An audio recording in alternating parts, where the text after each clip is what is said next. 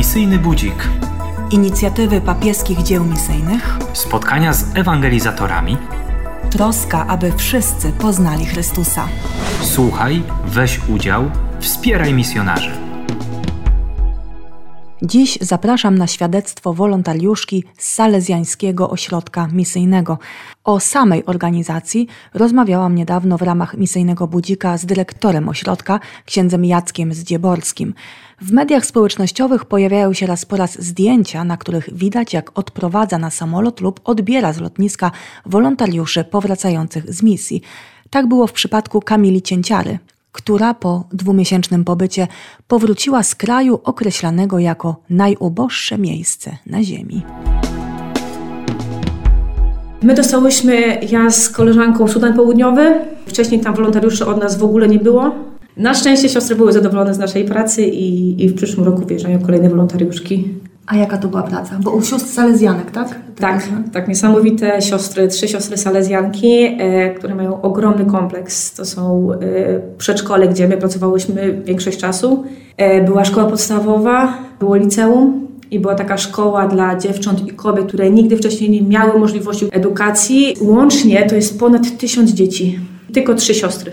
Więc to jest ogromna praca sióstr. Po prostu dla mnie niesamowita siła kobiet po prostu na tej, na tej placówce. A naprawdę pracy jest ogrom. E, nie wiem, jak się to ogarniają. Jest ciężko, głównie finansowo.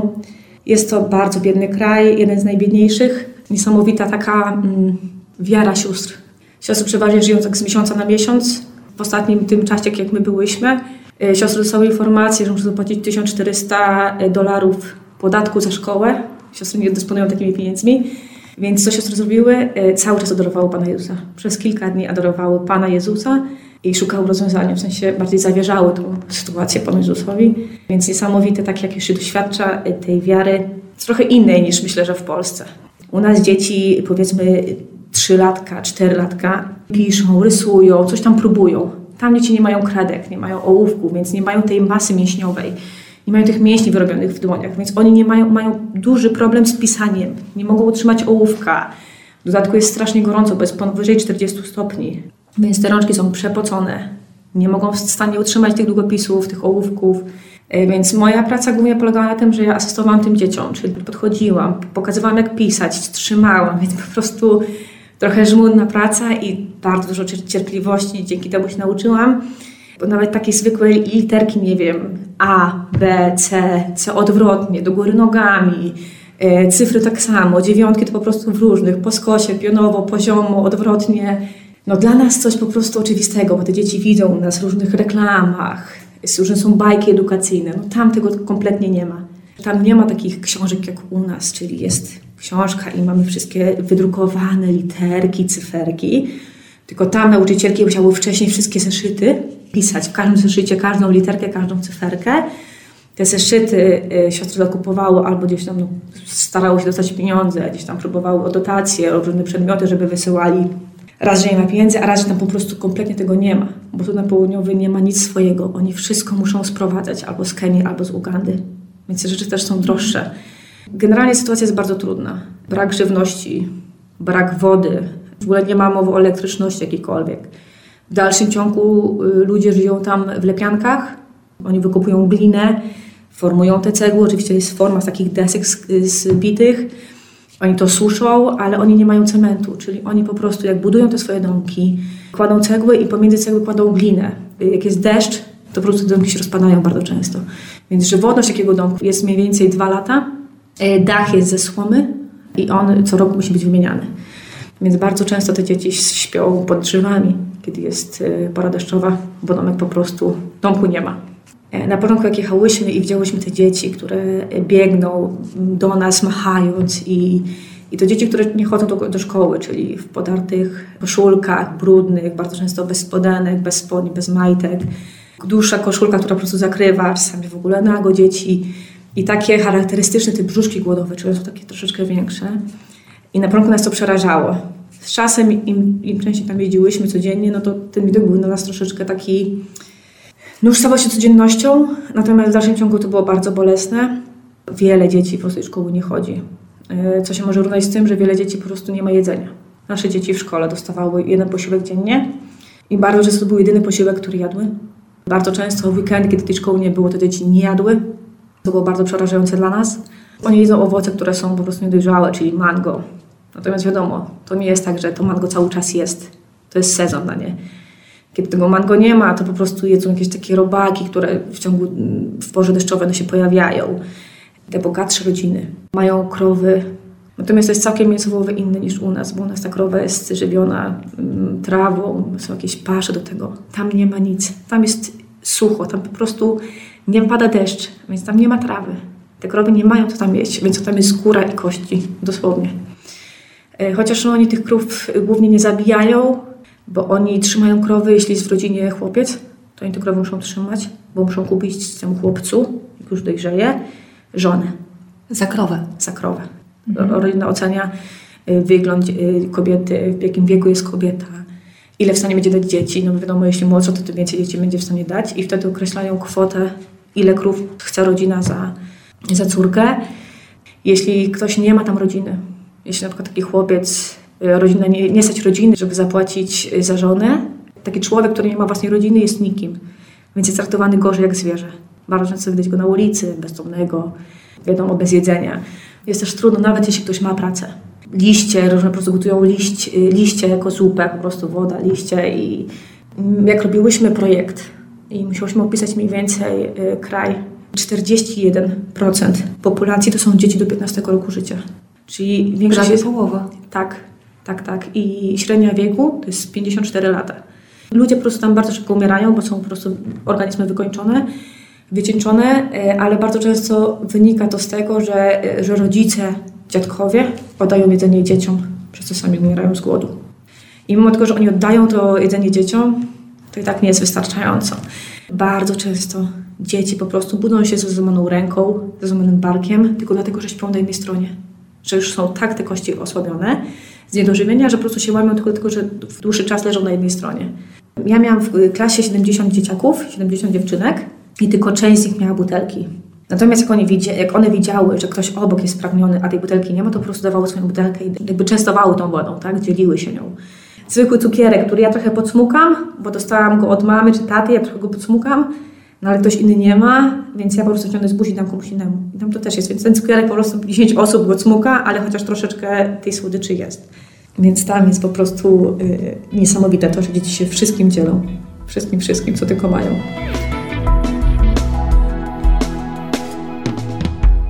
poligamia lepsza niż monogamia, bo oczywiście tam ktoś jest bogatszy, to im więcej żon, tym jest oznaką bogactwa, więc tam bardzo często mają po wiele żon. Y, siostry starają się jak tylko można zmienić takie myślenie. Jest to bardzo trudne, bo oni to widzą na co dzień w domu. W szczególności, że to jest bardzo agresywne plemię. Wszystko praktycznie załatwiają siłą. Robi się te markery dzieciom, czyli jest y, moment, w którym rodzina stwierdza, że chłopiec wchodzi w wiek dojrzały, to jest mniej więcej 12-13 lat. Ojciec zaprasza rodzinę, sąsiadów najbliższych mm, do domu. E, dziecko siada na środku, chłopiec. I ojciec nacina bardzo często jakimś tępym nożem albo starą żyletką takie poziome linie na czole, kilka takich lin. To są bardzo głębokie rany, e, bo musi być taki grubszy ślad na czole. I wtedy, jeśli, jeśli jest nacinany ten chłopiec na tym czole, nie może dodać żadnej oznaki słabości, żadnego grymasu twarzy, E, żadnej łzy, bo jeśli pokaże jakąkolwiek słabość, nie jest godny bycia mężczyzną. I, i automatycznie taki, e, taki chłopiec jest troszkę wykluczony z dorosłości, z bycia częścią ich społeczności, więc bardzo często ci chłopcy muszą być, być twardzi. Więc to jest straszne, bo to są małe dzieci. Jeśli dziewczynka zaczyna, ma już pierwszą menstruację, może zostać wydana za żonę.